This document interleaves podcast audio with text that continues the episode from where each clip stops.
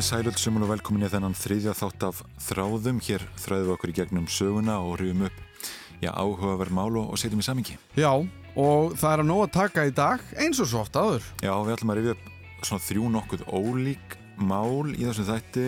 Mál svona sem, ég tala þá inn í þá, þá kviku sem hræðist í köllunum í, í íslensku samfélagi Já. núna og uh, já, verðum kannski svona nokkuð átaka sæknir, getur við sagt. Já, ég ætla að, eh, já, kannski segja ykkur fyrst frá efninu sem við endum á sem eru lók þáttar. Þetta Já. er svona rúsina. Þetta er svona það sem að við erum að, svona fólk alveg hlusti alveg fram á síðustu við, sekund. við býðum öll eftir þessu. Já, e- ekki kannski alveg, en þetta er svona, þetta er svona frístandandi Já. efni. Við ætlum ekki endilega einhvern veginn að uh, tala mikið í kringum það.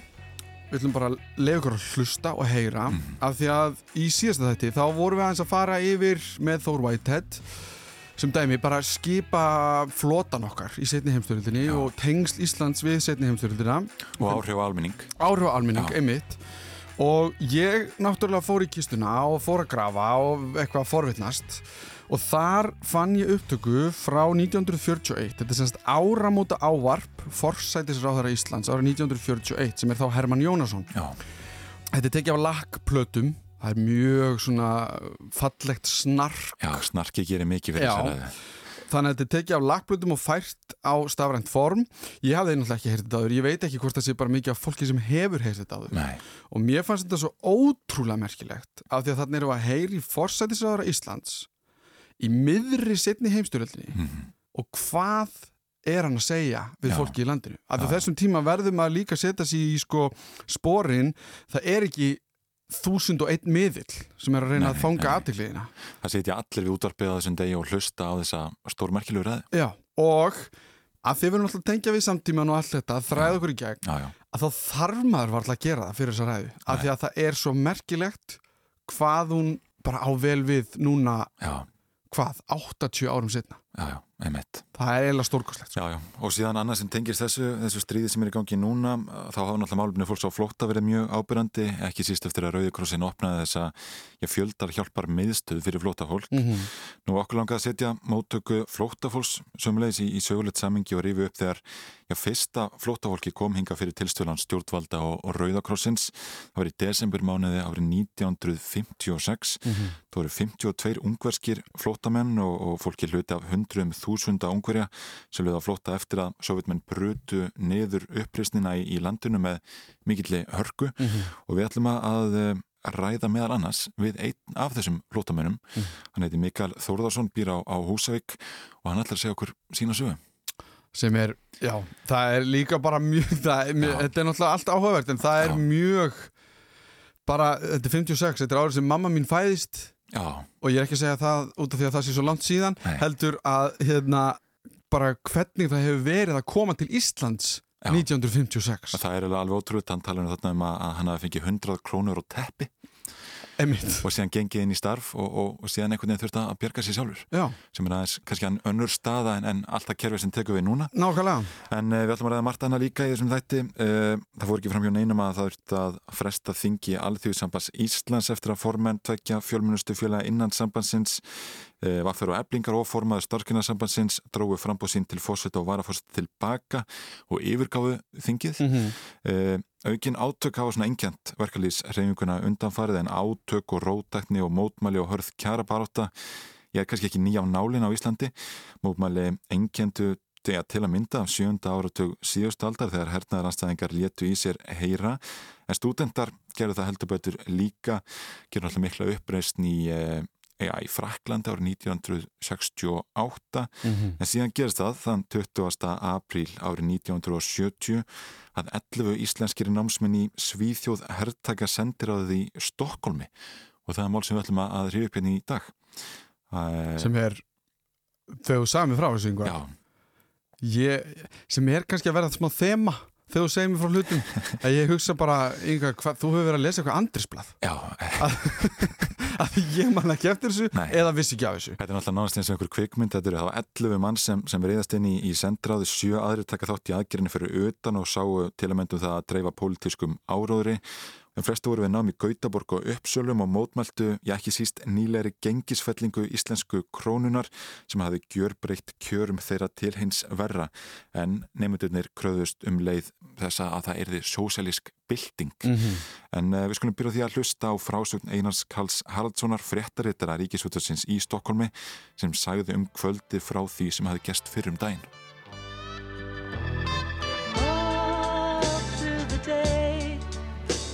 In mine, I'm in mine, I'm in mine All through the night Sendiráðsviðtæri neitaði að yfirgefa sendiráðið og tjáði stúdentunum að ef þeir væri einhugum að framkoma fyrirætlanir sínar eru þeir að koma honum út með einhverjum ráðum.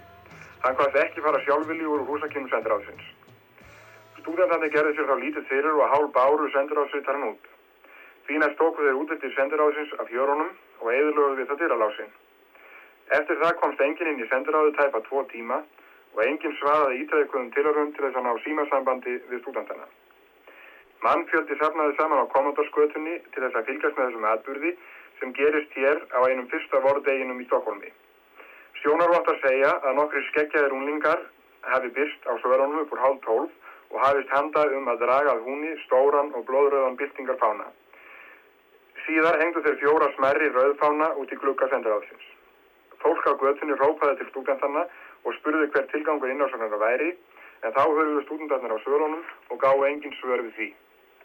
Eða sendiráðsfólkið hafi verið reykið út úr sendiráðinu hafði það samband við sænska utaríkisváðuneytið og bað það hlutast tilum að stúdentarnir yrði á brott úr sendiráðinu. Hannes Hefstein sendiráðsvitari tjáði fréttamanni að hann hefði aðeins farið fram á að stúdentarnir yrði fjarlæðir og jafnframt mælst til þess að ekki yrði tekið til frekari aðgerða gegn þeim.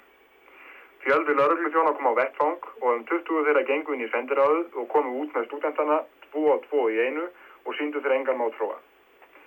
Stúdentunum var svo ekkið í yfirheyslu hjá Stokkons lauruglunni og voru þeir yfirherrir einn og einn og stóðu yfirheyslunar í um tvo tíma eða álíka lengi og taka sendiráðsins.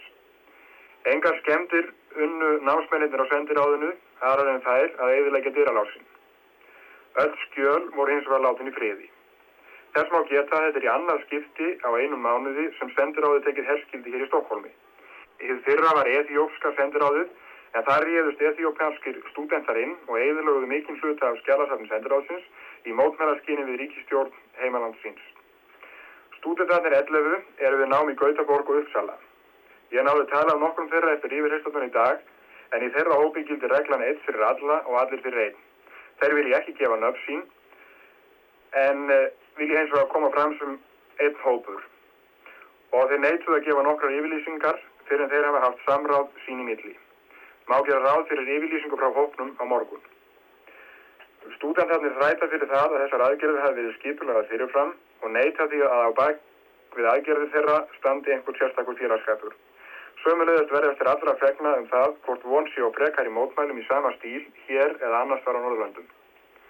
Námsmennir átta í Gautaborg tóku fram að þær væri 20 íslenski námsmenn og að þeir styttu allir tökur sendiráðsins en hefði á ímsum ástæðum ekki geta komið í við að koma til Stokkóms. Námsmennir segjast allir búa við afarslæm kjör í Gautaborg meðan annars búa þeir allir í, í húsnæði sem stendur til að rýfa og hafa varla til nýs og skeiðar. Sendi herra Íslands í Stokkólmi var statur í Finnlandi á fundi á samt Emil Jónssoni utanækisráðara. Er hann fréttu með atbyrðin ákvað hann að snúa aftur til Stokkons þegar í stað og er hann væntanlegur hingað í kvöld. Bóðum hefur verið komið til stúdentana að sendiherran sé pústis að hitta þá að máli í sendiráðinu og ræða við þá um vandamál þeirra. Þessu hafa stúdentarnir svarað á þá leið að þeir hafi ekkert til sendiherran að tala og vísa þeir til yfirlýsingana í dreifiritinu ef menn fýsi að kynna sér markmið innrásarinnar í sendiráðið. Til margsum það hver vel árásin á sendiráðu var undirbúin má nefna að námsmenninni tók upp á segulbönd öll orðaskipt í sendiráðinu og kvikmynduði allt sem framfór meðan á tökunni stóð. Jáframt höfðu þeir lesið í síma heim yfirlýsingar um tökuna og farið æskulísfeyfingunni að dreifa þeim til fjölmiðla á Íslandi. Skömmuð eftir að stúdentadir höfðu verið fjallaður úr sendiráðinu bárust ángat tvö skeiti. Annað með hæfingi óskum og baráttu hverju frá æskulísfylkingunni og hitt með stöðningskveðjum frá félagi ráttakara stúdenta í MR. Sko, þetta er mjög áhugaverð frásögn. Já. og þetta er fréttareitari Rúvi í Svíþjóð já, já. sem er að segja frá þessu og, og svörin koma kannski eftir en það sem ég finnst svo áhugavert af því að ég er, ég er náttúrulega að reyna að tengja þetta inn í samtíma og eitthvað, ef eitthvað svona myndi gert í dag já.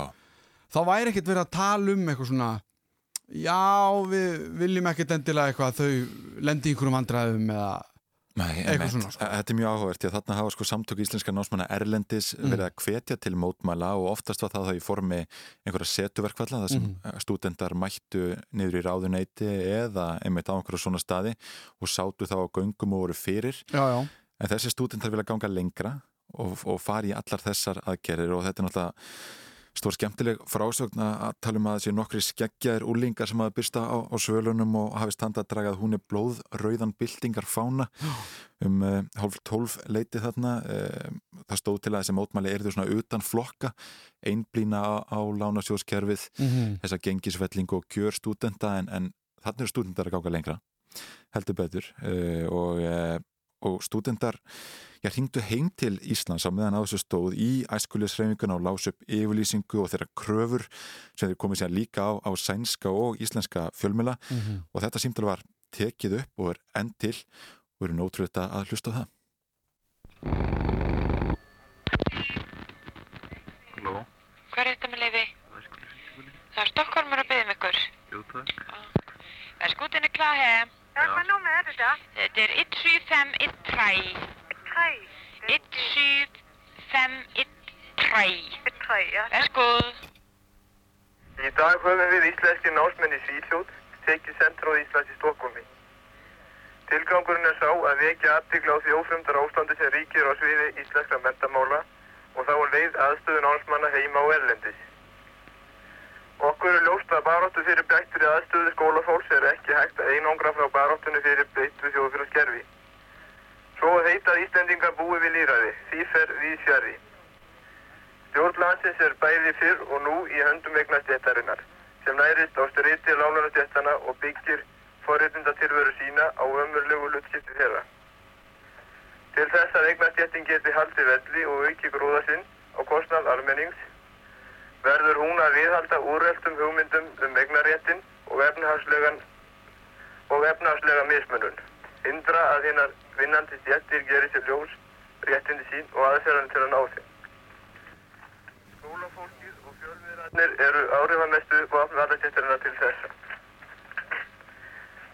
Íslendingar eru fámenn þjóð. Ef litið er, já, ef litið er á upplá morgunblæsis, 40 steindök, með tilhættu þessa, sést að þetta höfuð málgagn eignastjættarinnar nær til hvers einasta mannsbars á Íslandi. Blaði notar þessa einstæðu aðstöðu sína til þess að vinna að eflingu auðvaldsins með ótrúlegum rangsnúningi staðreinda, legum og beinum fréttafölsunum. Sama máli gegnur um allan þorra dagblada og tímarita og ekki síst á þetta við um fjölmiðla borgarastjættarinnar útvarp og sjónvarp sem reyna að dyljast undir falskri grímu hlutleysis. Þá er að vikja að öðrum megin þætti skoðanar myndunar, skoðana myndunarinnar, skólakerfinu. Hverju stjórna því? Einn af fulltrúum valdastjættarinnar, prófessor Ólafur Björnsson, gefur engar góð svör við því í blaðalítali, vettvangur. Hún, það er mentunin, er eftir ekki fyrst og fremst fyrir stúdentana og náttúrulega því síður ber að líta á kjensluna sem atvinnubóta vinnu fyrir kennarana. Heldur er hlutverk hennar að fullnægja þörfum þjóðfélagsins eins og þær eru á hverjum tíma. 2 minutter. Og þegar ég tala um þarfir þjóðfélagsins, þá er það sem í rauninni kemur til að skipta mestu máli, ekki hinn að raunverulegu þarfir heldur mat þeirra aðila sem ákvarðanir taka í þessu efni. Bæði enga aðilar og ofinberir aðilar. Það er deginu ljósara að stefnan er svo að mentunin eigi að þjóna gróða sig gýrurar braskara stjættar. Einmitt þarna talar námsmaðurinn um að menturinn sé að þjóna braskarastjættinni og þetta kannski, þetta er reglulega rætt hvort náma ég að elda atvinnulífið eða hvernig best sé að hátta því.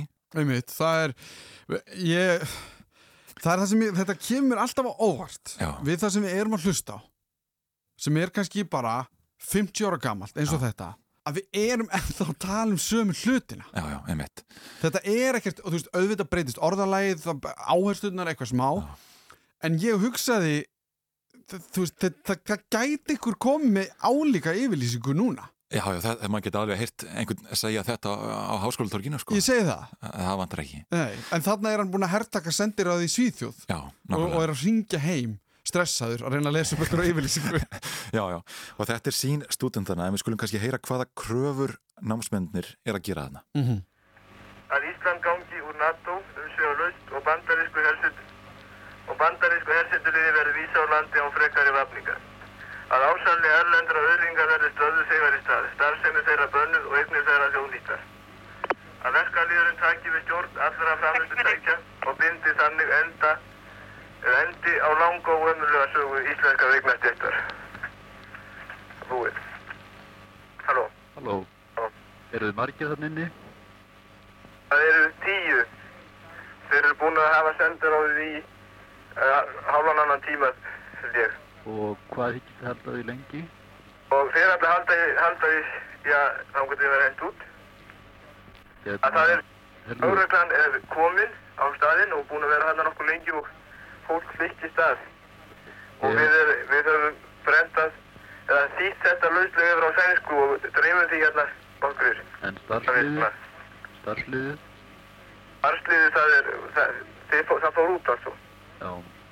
Og ætli, það, ætli við ringjum ekki þá þegar það er sé fyrir endan á þessu. Uh, já, en ekki með líktíðinni.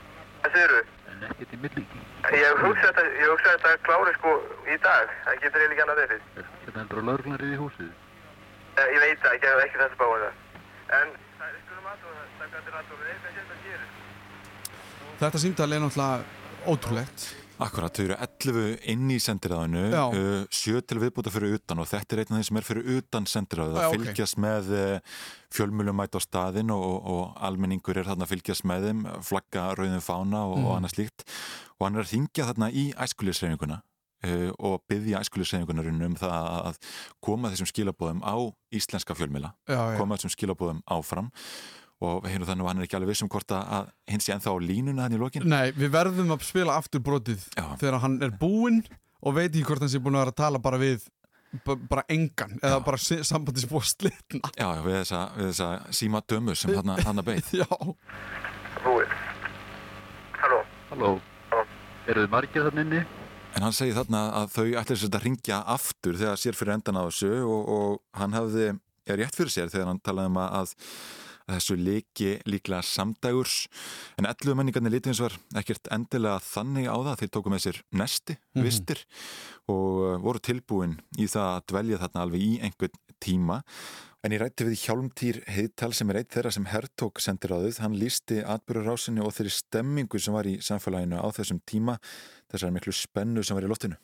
Það er uh, mikið umrótt bæði á alþjóðasviði. Það er semst að nýlendustefnan er að, að líðendur loka að missa tökin og það var uh, náttúrulega eins og kemur hefur komið fram mjög við að, að Vietnam stríðið hafði mikil ári á ungt fólk og mótmæla öldur sem að urðu við það. Þær snýrist sagt um þessi átök bænda þjóðarinnar í Vietnam og bandarísku heimsfaldastefnunar og þetta hafði mikil áhrif á ungt fólk sem sá ekkert réttlæti í þessu og uh, sama tíma eru uh, alls konar hreyfingar að þróast sem að er að hverfa aftur daldi til fyrir tíma að skoða rauninni rótæknina eða sérst kommunísku flokkana og samtökin sem voru þarna í kringum 30, 20-30 fyrir stríð Já. Sumir leituðu bara að leiðsögn í reytum Lenins og Jadmil Stalins. Aðrir gerðu það nú ekki en voru meira almennt andheinsvalda sinnaðir og voru ekki að beinlinis að bóða sósialisma. Þannig það voru svona margar greinar uh, rótækni í gangi Já. og breytilegt eftir löndum. Uh, hér á Íslandi var starfandi Vietnamhreyfing svo nokkuð öflug og uh, uh, að henni stóðu alls konar einstaklingar bæði þeir sem voru mjög til vinstri, svona, getur sagt, maoistar og trotskistar og, og svo aðrir almennir andheinsvelda sinnar og mannúða sinnar sem að sáu hversu óreittlótt þetta stríð var. Já. Og þú fyrst síðan til Svíþjóðar. Hvers vegna fyrir til Svíþjóðar? Ég uh, fór í nám í myndlist og handjáðskólanum og uh, fór síðan í framhalsnám. Það var náttúrulega þannig á Íslandi á þeim tíma sko, að það var ekki hægt að nema margar af þeim greinu sem að hægt er að gera hér í dag. Ég get nefnt uh, konuna mínu sem dæmi, hún fór til Svíþar vegna þess að hún vildi læra sjúkrafjálfun og það var ekki í bóði hér. Nei. Þannig að þess vegna fór ég til Svíþjóðar til þess að klára ég fari framhalsnám í grafískri hönnun eins og það heitir núna og uh, Íslendingar hafðu svona kvóta Norðurlanda þjóðir náttúrulega höfðu ákveðna saman við okkur þessum að mentakerfi hér var ekki orðið þróaðara þannig að ég komst inn á þessum Íslendingakvóta Já.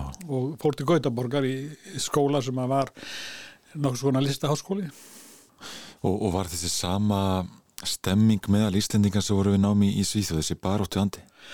Það var uh, breytilegt eftir löndum og borgum. Þannig að þegar að, að um, þessi rótækni sagt, byrtist í sendirastökunni sem við ætlum að ræða, að þá var fylgni við slíka rótækni, hún var meiri í Svíþjóð heldur en til dæmis sem við íslenskara námsmanna í Danmörku. En, en sem sagt að almennt voru menn rótækir en líka slegnir vegna aðstæðina sem að við byggum við og sérstaklega eftir að íslenska krónan fjall tvísvar næstu 70% og peningar sem við höfum unnið eh, fyrir sömarfés, sömarpeningar eins og margir gerðu, ég fór í síld og, og átti þó nokkur peninga peninga, þá allt í einu halveraðist peningurinn og dögði þá ekki lengur fyrir uppihaldi. Og, og hvar bygguðu og hvernig voru aðstæður? Við byggum í Gautaborg í það hverfi sem að átt að rýfa og var rýfið að mestu. Já. Þannig að við byggum í gömlu verkamannabústöðum þar sem að var ekki eins og klósett, heldur verða bara semst, kamar út í gardi og, og þetta var ákvæmlega frumstætt og lélegt húsnæði og það var vegna þess að, að við höfum ekki efnaði að leia stúdendagarða á stúdendagardi og við vorum mjög margir stúdendanir, íslensku námsmennir sem að byggum við þessar aðstæður. Já. Og hvena kveikna svo hugmyndina að herrtaka sendiræðið? Það var þannig að samband íslenskra námsmanna Erlendis, það eh, var búið að, að berjast hér heima með alls konar uh, bænaskrifum til stjórnvalda og fundum og um að er þið leiðrétt þetta mikla högg sem við verðum fyrir, það er gert eitthvað í því en það gerðist ekki neitt.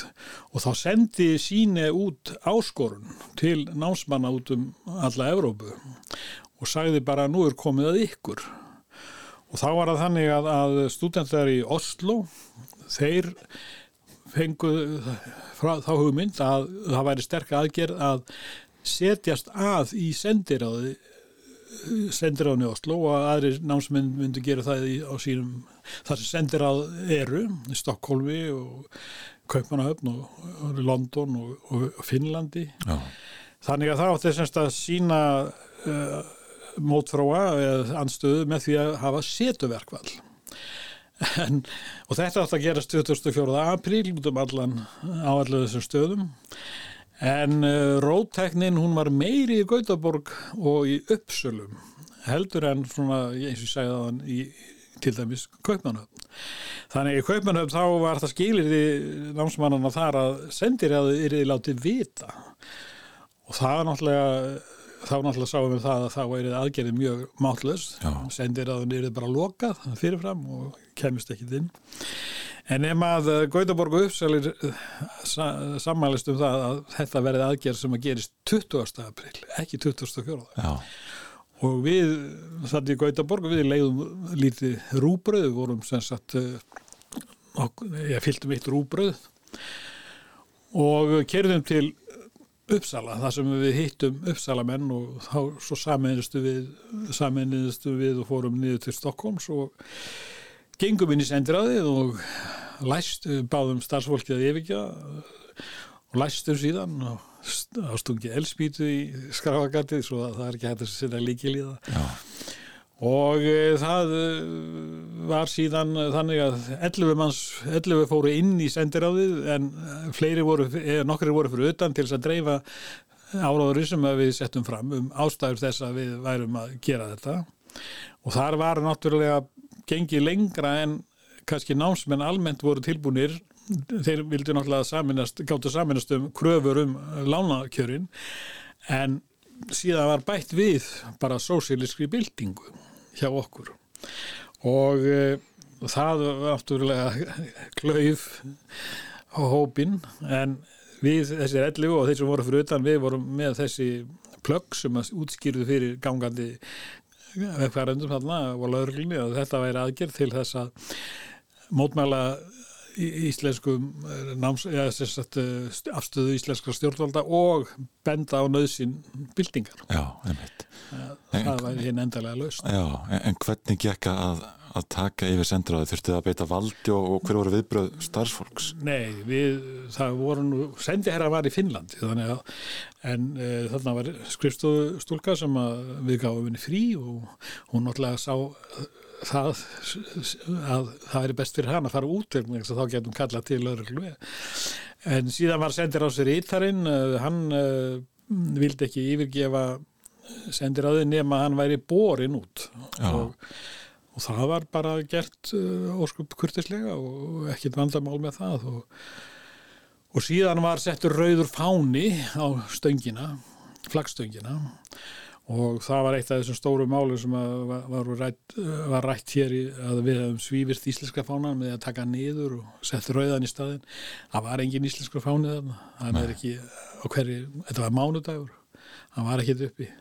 Nú þetta gekk bara óskup vel fyrir sig þannig og við eðlum ekki neitt og, og, og síðan kom Lörgland, tók hurðin af fjörum og og það er til kvikmyndir af því þegar að þeir koma inn og þeir eru nú bara brosandi og við tökum, við vorum voðalega kurtisir og svo þegar að ríkis hérna, sak, saksóknari, sænski saksóknarinn hvað upp úrskurð eftir að við vorum teknir í, settir í fangelsi fjóra klukktum og yfirheyrið að hann sæði þar sem við værum ungir og hefðum verið einstaklega kurtisir og þá bara sæði hann enga ástæðir þess að vera eitthvað að gera meir úr þessu. Já, en hvað voruð þið lengi inn í sendiráðinu og hvað voruð það að gera þar? Við ætluðum að vera þarna svona, uh, við vorum með vistir, kannski til tekja daga minni mig, en við vorum bara í tvo tíma og það sem við gerðum var að það var ringt í fjölmiðla og sænska fjölmiðla og það voru þeir sem voru úti ringt í íslenska fjölmiðla og við vorum eitthvað að róta svona einhvern skjölum en við það fundum þarna fulla töska sendirasbrennivinni sem var mert einu manni sem ég ætla ekki að nefna. Þannig að það gerðum svo mikið neyr við bara byggðum eftir að, að lörglann kæmi og Þurfti að bera ykkur út eða, eða, eða gengur þið? Nei, þetta var nú allt voðalega kurteislegt og eina sem að gerði það var aldrei mísend eftir lögurglumönnum hvernig við vorum meðhandlaðir yfirleitt bara mjög þægilegt og kurteislu, við bara leittir tekið undir hendina á okkur og ekki eins og leitaði á okkur í töskunum okkur eða neina sko. en til dæmis í bílinn sem að ég var þá var okkur skipað að leggjast á gólfið.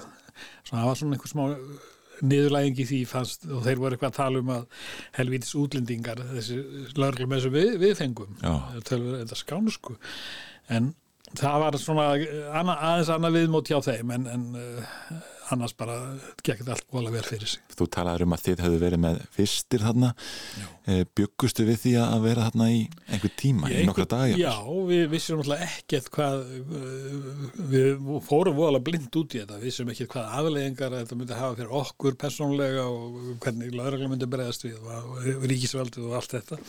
Við vorum bara svona aldrei Já, nálgóðust þetta svona með ofnu huga, má segja og algjörlega óhrættir við höfum greinlega mikla trú á líðræðinu en allavega þá, þá um, reiknum við með að þurfa að hafa eitthvað með okkur til þess að maula. Og svo bara reyndist það ekki vera. Nei, maður sé hvað þið tókuð með? Nei, vistu það það voru bananar, ég maður það það er sérst í kvikmyndinni að við erum að maula banana og eitthvað kæks og eitthvað, eitthvað að drekka þetta. Eh, Þetta var ekki stærsta málið að vera sattur eða vel haldinn, það var Nei. meira annað í, meiri spenna í loftinu heldur en að værum alveg útpældir í því hvað þessum að borða næringaríkar mat. Já, en þið voru haldið laurugli þarna í einhverja fjóra klökutíma, eitthvað svo leiðis. Já, Hver voru síðan viðbröð almennings og fólks þegar þið komið út? Funduðu fyrir stuðningi? já, það kom strax sko eftir að þessi aðgerð var, var gerð, þá komu stöðnisýðilýsingar frá öðrum námsmönnum og, og s- sömu fólki. Síðan komu náttúrulega mjög andstæð viðbröð hérna heima. Þetta er ennþá áhugaverðara út af því hvað þau gera sem sagt, þau bara voru kurteis Já. það var ekki dofbeldi og það var ekkert einhvern veginn þannig að þegar löggan kemur að þá bara fara þau út og síðan bara ákveður ríkisaksóknarni að æja þið voru nú kurteis og þá skulum við ekkert gera neitt. Mér finnst mjög áhugavert að byrja á sko að þetta er sko tekið yfir sendiráðið. Já. en hefur einhvern nátt svona farsælan endi þannig séð? Já, já, einmitt, þau, þeir voru látnir hérna leggjast niður á Já, gólf, það var það var svona eina, eina niðurlægingin sem að þessu hlaust Einmitt. En e- þetta var þetta heilmikla aðtegli bæði þarna úti, var þetta á fórsvíðum blaðana og náttúrulega hérna heima og Hjálmtýr nefnir stuðningsyfirlýsingar frá öðrum námsmönnum en segir að ja, það hafi líka komið mjög andstæð viðbröð hér heima og það heyrist vel þegar fréttastofa Ríkis útvarsins fór nokkrundum síðar og spurði fólk á förnum vegi spurningarinnar hvað fannst yður um innrás 11 menningana í sendiráð Íslands í Stokkulmi? Ég vil að fara allt fram með frið og spekt og menn sé vil bæta kjörsinn. Ég er nú ekki hrifin af því. Ég heldur vilja er notuð ykkur aðra aðferð ef þið sust að íta á. Jú, þeir eh, voru svo sem að berjast úr góðum málstað. Uh, þeir löfu ekki við góðu kjör í, í Svíþjóð en hitt er annar mál að þetta var ekki rétt aðferðin að, að leysa þessum mótmælum eða sem sé þeir hefði getað mótmælt bara með því að hafa setu verkvall ekki að taka nú íslenska fánan og setja bröða tursku í staðinn kann ekki vita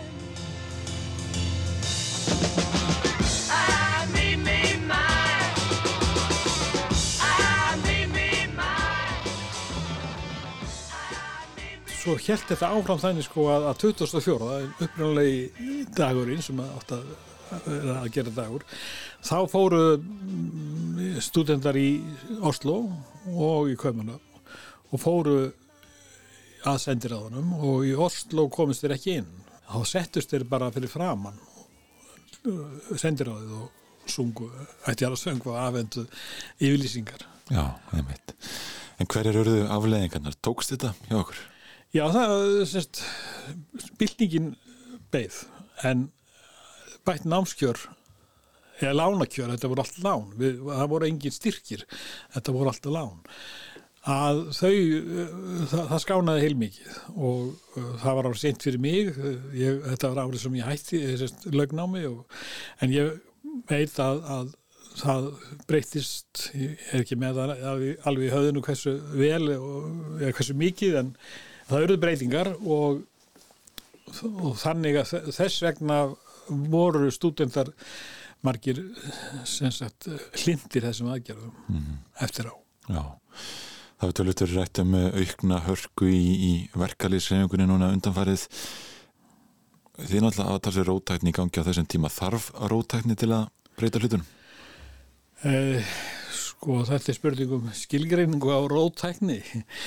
Það til dæmis eh, þegar að fórustu menn eblingar og sósélsta flokksis heitir það ekki, jú, tala um stjættaskiptingu og auðvald, þá uh, rökkvað ýmsir við en uh, ekki við sem að vorum rótækir og erum kannski að stumleita enn vegna þess að þetta eru hugtök sem að skilgreina ástand þjóðfélagsins að það er það, þó að stjórnarflokkur hafi slagorðið stjætt með stjætt þá erum við ekki öll í sama báti eða við erum eins og ekki öll sama, sama þilfæri þannig að um, stjætta átök eru náttúrulega staðreind og um, við getum sagt að á þingi ASI núna þá mætast þessi ströymar það er þessi rótækiströymur sem að talar um auðvald og stjættaskiptingu og hins vegar aðri ströymar sem að eru hóvarari og, og ganga ekki jafnlangt í að skilgrina þjóðfélagið eins og til dæmis Solveig Anna og þau í sósélistaflóknum gera. Já, En það rýmar alveg við það sem við sögðum áður og ég veit nú ekki hvort að það séu margir af þessum gömlu máistum og trotskistum komnir í ham aftur, ég veit það ekki.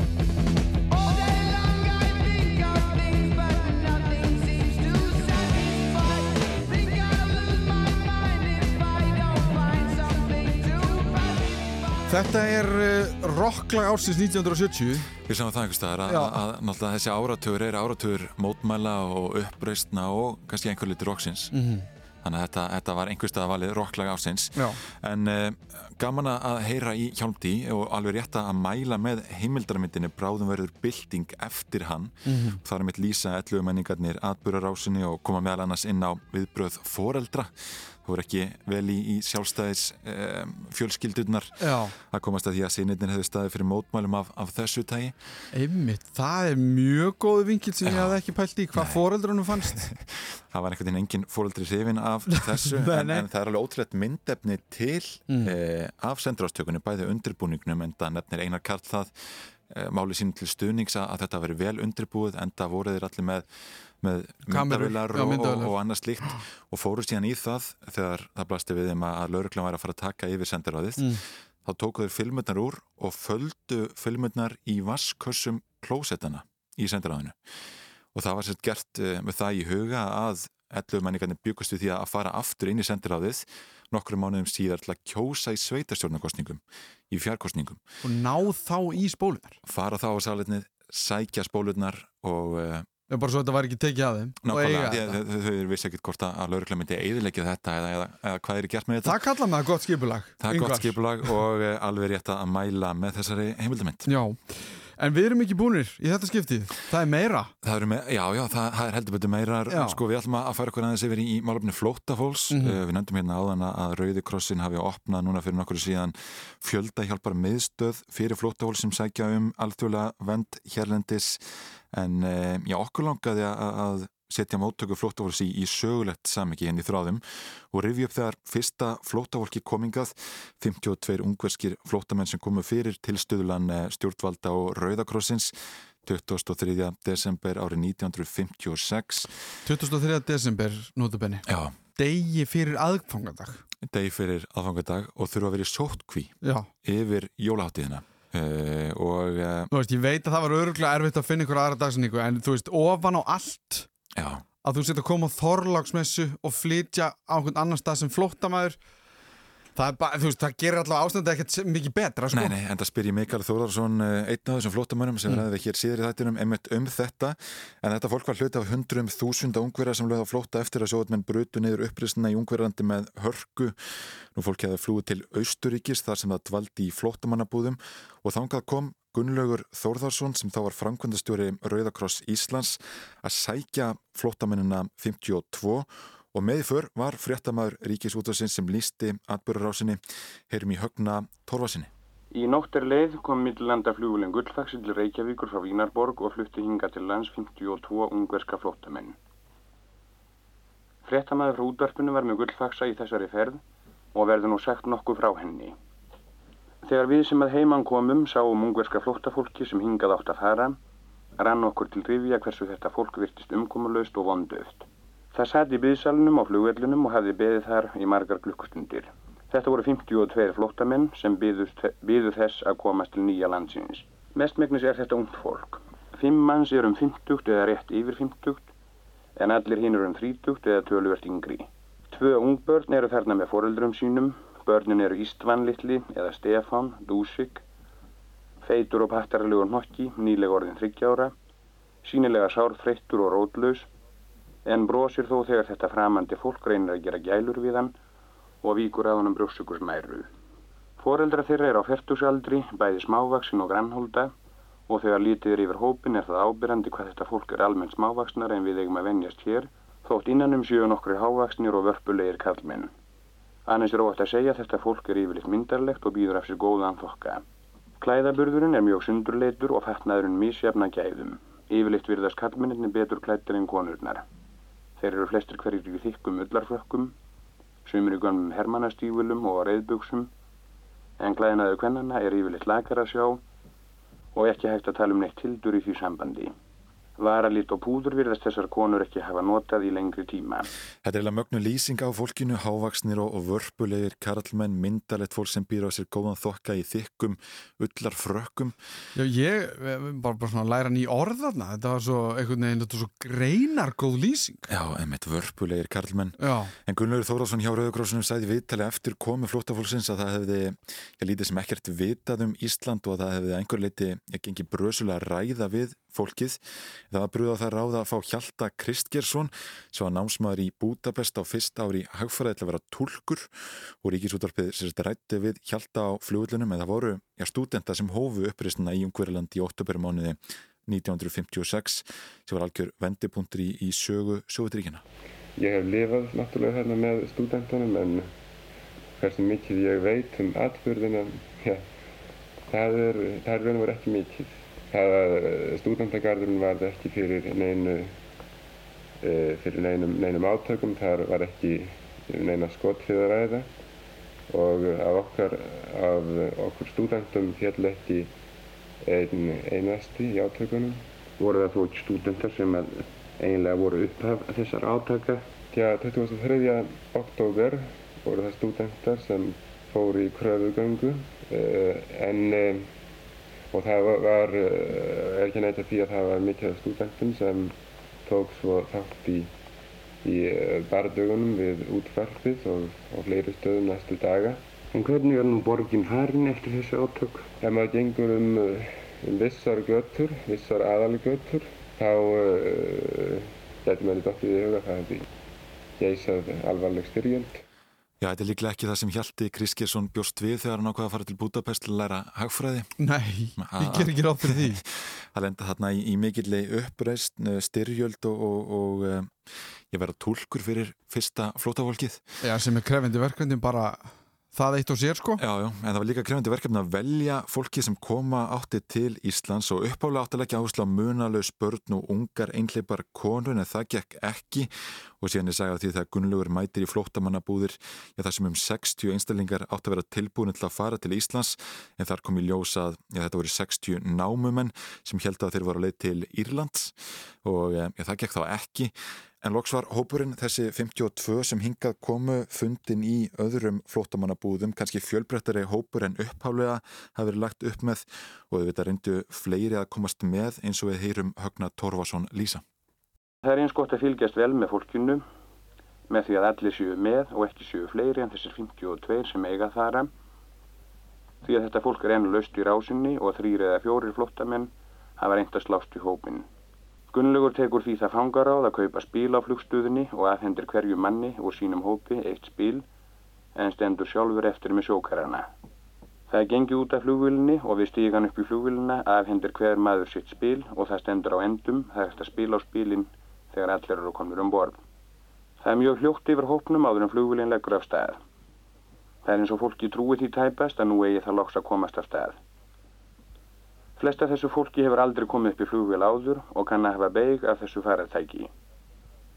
Það spennir á sig öryggispeltin og flugvélinn rennur af stað og hefur sig til flugs. Venjan er svo að fólk á að hafa öryggispeltin spennt góða stund eftir flugtag en forvitnina er yfirhöndinni og það tegir sig upp úr sætunum og horfir út um glukkana á hérna endalösu ljósa fléttu stórborgarinnar fyrir neðan. Heimferðin gengur að óskum, ferðarfólki er þreytt en ánægt. Starfsmenn útlendinga eftirlýtsins taka fyrstir við fólkinu að fylla út eyðublöð og skrá nöfn þess, aldur og atvinnustjett og fleira, en tollverði þurfi ekki mikla sinna þó að vélinn hafi verið fulla farþegum. Farangurinn er sára lítill, fólk, flótta fólkið á tæpast annað en fötir sem það stendur í og nokkra smá bingla. Það hefur aldrei komið fyrir áður hjá flugfélaginu að svo lítill farþegaflutningur væri í fullsetinni vél aðeins um 150 kg. Fulltrúa Rauðakrossins taka á móti fólkinu því er ekki upp í melaskóla, þar fyrir svona lækniskoðun, allir fá nýjan alfatnað og síðan er fólki flutt að félagsheimilinu Hlegarð í Mosulsveit. Þar fagnar það jólaháttíðinni í viku sótt kví. Þessi lýsing er eiginlega hálf ótrúleg Já, já, það er ótrúlega að Gunnlaugur hafi látið fólk draga spil sem að notaði síðan til að aukina sig í, flugvilni hjælt sjógrunum sjálfur eins og var orðað í þessari lýsingu. Það var, sko þessi lýsing er einhvers konar rítverk mér finnst svo merkilt að því við erum að hlusta á já.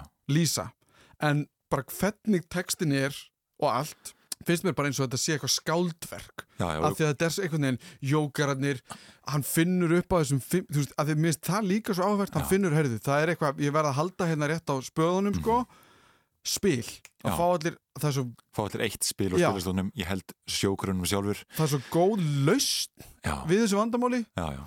En, En- en kemst maður einhvern veginn miklu næri líka þessu fólki með þessu miklu lýsingum. ég veit það, Við veitum hvernig það er klætt og, og hvernig það lítur út í, í meira mæli og, og fáum að heyra hvernig þessu fólki líður í flugvel. það er líka ótrúlegt að hlusta á og, og hérna, mann er einhvern veginn svona eins vel og maður getur kannski að setja í einhvers konar spór að því ég byrjaði að hugsa einmitt því ég var að hlusta á þetta hversu ruggluð einhvern veginn tilhugsun það er.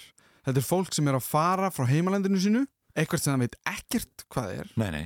er að fara í flugvel eins og hann segir í flestum tilhugum í fyrsta skipti.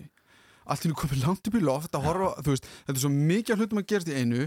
Fyrir utan það að svo endar það í sótkví yfir jólin í heimabæ mínum í Moselsbæ í hlekarði þar sem ég fór á öll mín gagfræðaskólaböll Já, það þannig já, Já. akkurat. Og það sagði mér engin að hér hefðu fyrstu flótamenninir eitt jólunum sko, Nei, einmitt í sótkví. í sótkví Nákvæmlega. En Mikael Þórðarsson er eitt af þessara ungversku flóttamanna sem komu hingað 1956 og hann hefur búið hérna síðan. Hann dró spaða gósan. En eh, hann býr nú á, á Húsavík og í slóa þráðun til hans en hann hafði verið settur í fangelsi í ungversku uppreistinni. Það er bara svo lýsa. Ég var náttúrulega ung og blóðin heit og, og það bara, ég reyndi að gera mitt besta en það gekk ekki vel. Og það eru þá í rauninu rússarnir sem, sem handtaka þig. Já, þeir tókum mig bara og hendu upp í vörubili eins og, já, þessi kortöflubokka og, og ég var að beigja mig niður til þess að sjó mig ekkert og ég fór með mig í fangels og tókaði mig þessi vissu sem ég var með en ég bjargaði mig úr því að ég kunni rússnesku og það ég gæti bjargaði mig úr því. Um leið og ég losnaði á fangelsi á lögreglunni, ég fór bara heim og saði bless og ekkert meira en það. Og, og hvers vegna var förinni sem sagt heitið til Íslands? Ég hafði vegna þess að var Gullaugur Þórðarsson frá Rauðakossunum kom því að það vandaði 52 ungverjar til Ísland. Hann valdi ekki til að setja spílinn á borði 52 og ég dró spaða kossan og ég er hérna síðan. En þið eru þarna í hálgeri sótkví í hlékarð í Mósesveiti við jóla áramót. Já, hvers vegna var það gert? Það var bara gert þannig sko við fórum ekkert út, ekkert annan. Það var engi veikur. En hvernig var að eigða jólaháttíðinni í hálgeri sótkví? Það var nú náttúrulega við erum frjáls og okkur var anskotan saman hvað er. hvað er við meðs bara vera frjáls og getum haft vonandi gott og við, það sem við hafði gott en sem við ekki að vera eftir. Það voru djúlegir að vinna og tala, læra tungumálinn. Mjög vel alls það, mjög vel. Alveg þessi húsavík, ég kom hérna 61 og ég hafði allir vinni minni. Já. Ég sagði með eitt kona einu sem ekki, þú ert húsvíkingur, þú ert einn okkur. Sko, þið, þið komið þarna uh, 1956. Hvernig fannst þér vera tekið að mótið af stjórnvöldum og, og almenningi? Bara genguði beint í það að fá vinnu og annað slikt og, og gekk þetta Já, það var, já, það var rauðokkur sem bjarga okkur og, og fengum rauðokkur sem þá 100 krónur íslensku og einu teppi, það var allt og sund. Ekki, ekki meira var í alfinn. Nei, og þið þurftu bara að bjarga ykkur. Já, En þið voru sko fyrstu flóttamennir sem hinga komið fyrir tilstöðlan stjórnvalda og það er mikið rætt um útlendinga og flóttamannamál þessa dagana vegna stríðsins í Úkrænu og þessar já, nýju fjölda hjálparstöðvar. Hvernig finnst þér umræðin vera núna á viðbröð stjórnvalda? Ertu með einhver ráð til þeirra eða Íslendinga? Það kemur að móttöku fólks á flótta. það gert meira núna fyrir flotta fólkin en þá 56 hafa, eins og ég segja, bjarga okkur þessi 52 og, og við erum búin að vera hérna síðan og en það er nú ekkert eftir nema 7-8 hinn er bæði farin til Kanada, Ástralju, Ungverland aftur og Dónir, flesti. Já.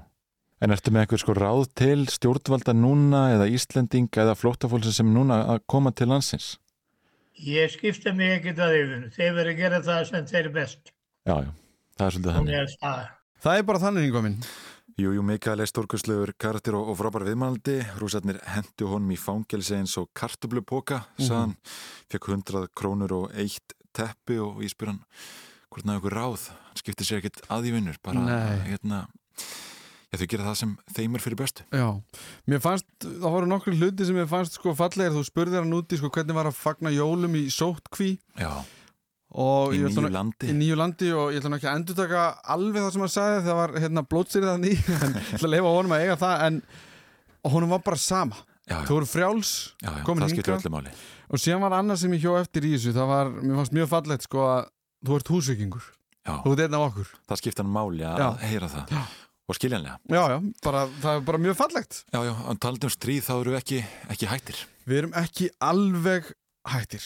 Það er smá eftir og ég talaði um það henni í byrjun að ég hefði eh, verið að eh, týna eitthvað til, finna meira eftir að ég talaði við hann Thor Whitehead hérna fyrir viku síðan um þá hvernig líf á Íslandi væri hefði verið í setni heimstjórildinni Mhm.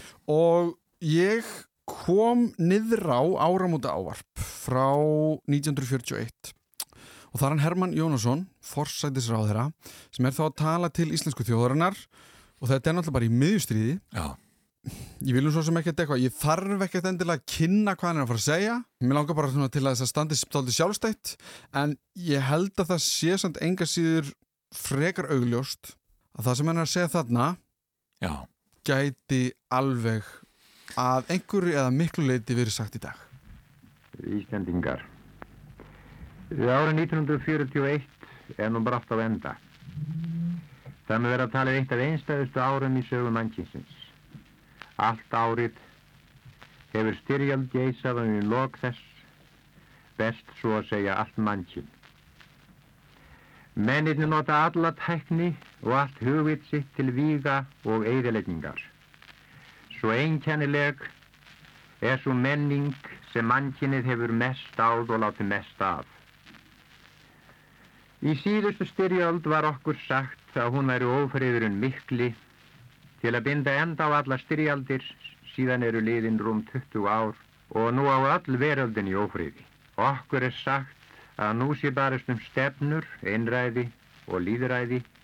Ég ætla ekki neyta því, en hitt er þó jafnvíst að það er ekki síður barist um völd, yfir á manna, yfir mönnum og yfirráðin yfir auðlindum veraldarinnar. Mannkynið er að þessu leiti enn sjálfur sér líkt. Þessi styrjöld mun heldur ekki auka þann þroska sem mest skortir. Hvernig þess sem þessari styrjöld líkur mun hún draga menningu heimsins niður á við um langa hríð. Við sem hefum lifað árið 1941 höfum ekki ástæði til að vera bjart sínir á næstu framtíð mannkynsins. Eftir þetta stríð mun heimunum verða flakandi í sárum, fátækur og logand af hatri. Það mun taka langan tíma að rétta við á ný. Þess ber þó vel að minnast að okkur Íslandingum hefur þetta ár verið þólanlegra en flestum öðrum þjóðum. Mannskafar á sjó að völdum ófræðirins hafa vísu verið þessari þjóð, tilfinnalegir og sorglegir. En við höfum hingað til komist hjá megin hörmungum stríðsins þar sem land okkar hefur ekki verið ófriðar vettvangur og þegar við nú daglega heyrum stríðsfréttir frá eilandunum í austri höfum við ástæðu til þess að vera takklátir fyrir okkar hlutskipti. Vestlunarsamningar við þar þjóðir sem við höfum skipt við hafa gengið svo að vel við má una. Nýlókiða samningu við Bandaríkjan og samningu við England hafa verið endurbættir. Siglingarnar hafa verið miklar og viðskiptun öll fremur hakkvæð. Þjóðin hefur safnat halsverðum eigunum, fjárhagur manna hefur því batnað og stendur með blóma, þjóðina hefur ekki skort nöðsinjar, þó er enn ekki tekist að ná viðunandi samningum um sölu helsta landbúnaðarafurða, þrátt fyrir marg endur tekna tilraunir og horfir þá óvænlega. Er þetta mjög verulegur fjárhagslegur hnekki fyrir þjóðina ef ekki ræðst úr því. Framkvæmdir hafa eðlilega verið litlar á árunni 1941 og miklu minn en áður. Það er því nöðsinn að leggja miklar eignir fyrir til þess að hafa fjármagn til framkvæmda eftir stríðið og vinna upp á kyrstöðu sem orðið hefur. En það er rétt að hafa það í huga, þótt enginn geti þarum sagt með nefni vissu, að ímislegt bendir til þess að mesti gróðatíminn sé liðin hjá. Það er áræðanlega hyggjilegast að gera ráð fyrir því að svo sé. en þegar að lítið eftir þeirra áhrifa sem þessi velmegun hefur haft á þjóðina er ekki allstaðar ánægulegt um að lítast. Fjölmargir menn hafa vísufarið vel og vitulega með fengin auð. Margir hafa notað tekjaukan til þess að losa sig við skuldabyrði erfiðu árana og búa sig undir framtíðina. En hjá ýmsum hafa möguleikarnir til fjáröflunar vakið hérna lítilmótlegustu tegund ágindar þar sem flestu eða öllu er fórnað á alltari guldsins. Þetta æði eftir peningum hefur gripið um sig svo fljótt að það veldur mörgum, undrun og geig í senn. Jafnframt hefur eislusemi, óregla og drikkjuskapur farið vaksandi. Sá sem gengur um höfuborgina og skoðar það sem þar er á bóðstólum að hvers konar glingri far oft ástæðu til þess að verða undrandi. Ef stansað er í búðum og spurt um verðið mun undrunin ekki minka og hvert hann er við búðaborð hefur numi staðar, reykur í roga stans þegar hann sér að allt þetta glingur rennur út og fá færri en vilja. Ein einasta vestlun hér í bænum seldi fyrir halva miljón á rúmum tíu dögum fyrir jólinn 2000 eintök af bók sem að kostaði um tæpa 50 krónur eintæki rann út á halvu mánuði, mörg fleiri og talandi dæmi mætti nefna, eislu seminn herjar landið og á þeim vikstöðum er þjóðinni mikil hægt að búin, þar hefur þjóðin hafið sótt gegn sjálfur sér. Menn halda að eislu seminn skapi ánægju, en hún hefur aldrei skapað neina varanlega gleði meðal mannana. Fjármunum sem nota mátti til gags er kastað á glæg, eislusemin er næstum ávalt samfara, óreglulegt lífverðni, óhófi einni mynd, leiðir af sér nýjan löst. Eislusemin verður að vana án þess að hún skapi hamingju, verður að þörf. Til þess að geta haldið áfram að lifa samskona lífi er gripið til óvandara meðala til að afla fjárins ef aðra leiði þrítur. Fátt skapar jafn almennar róttnun í þjóðfélaginu og eðsluseminn líkamlega vanlíðan og síðferðislega og menningalega hnignur.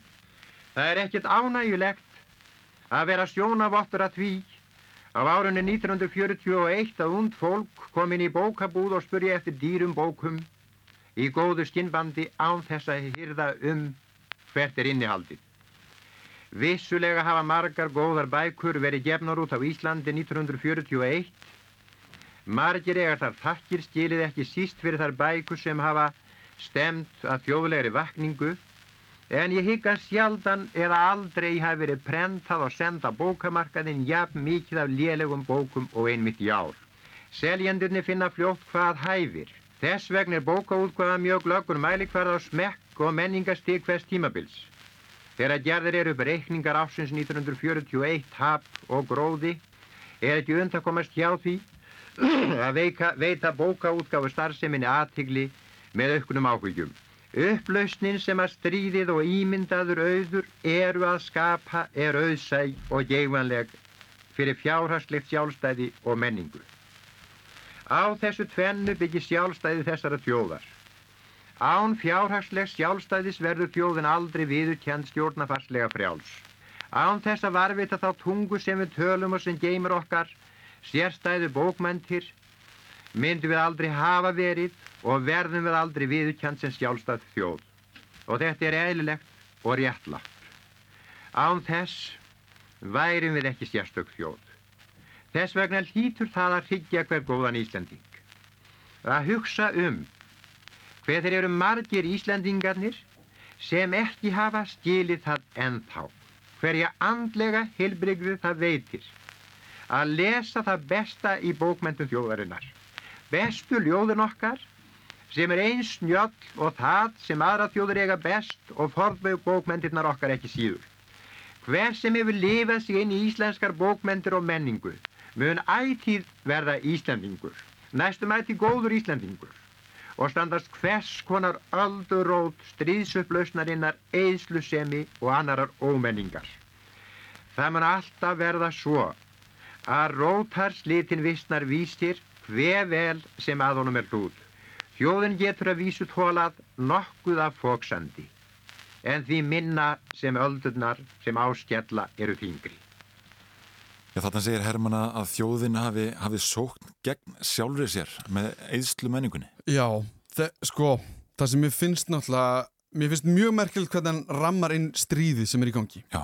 Af því að hann bara talar um þetta eilífa nánast sem að maðurinn er að eldast við, þetta, þetta hann briskleika. Já, já. og þetta eru menn að eldast við völd, landsvæði og allt þetta sem Já, er bara saga heimsins eiginlega. Og byrjar því að segja að í síðustu styrjöld var okkur sagt að hún veri ófröður mikli Já. til að binda enda á allar styrjaldir en nú eigi allur heimurinn einhvern veginn í átökum.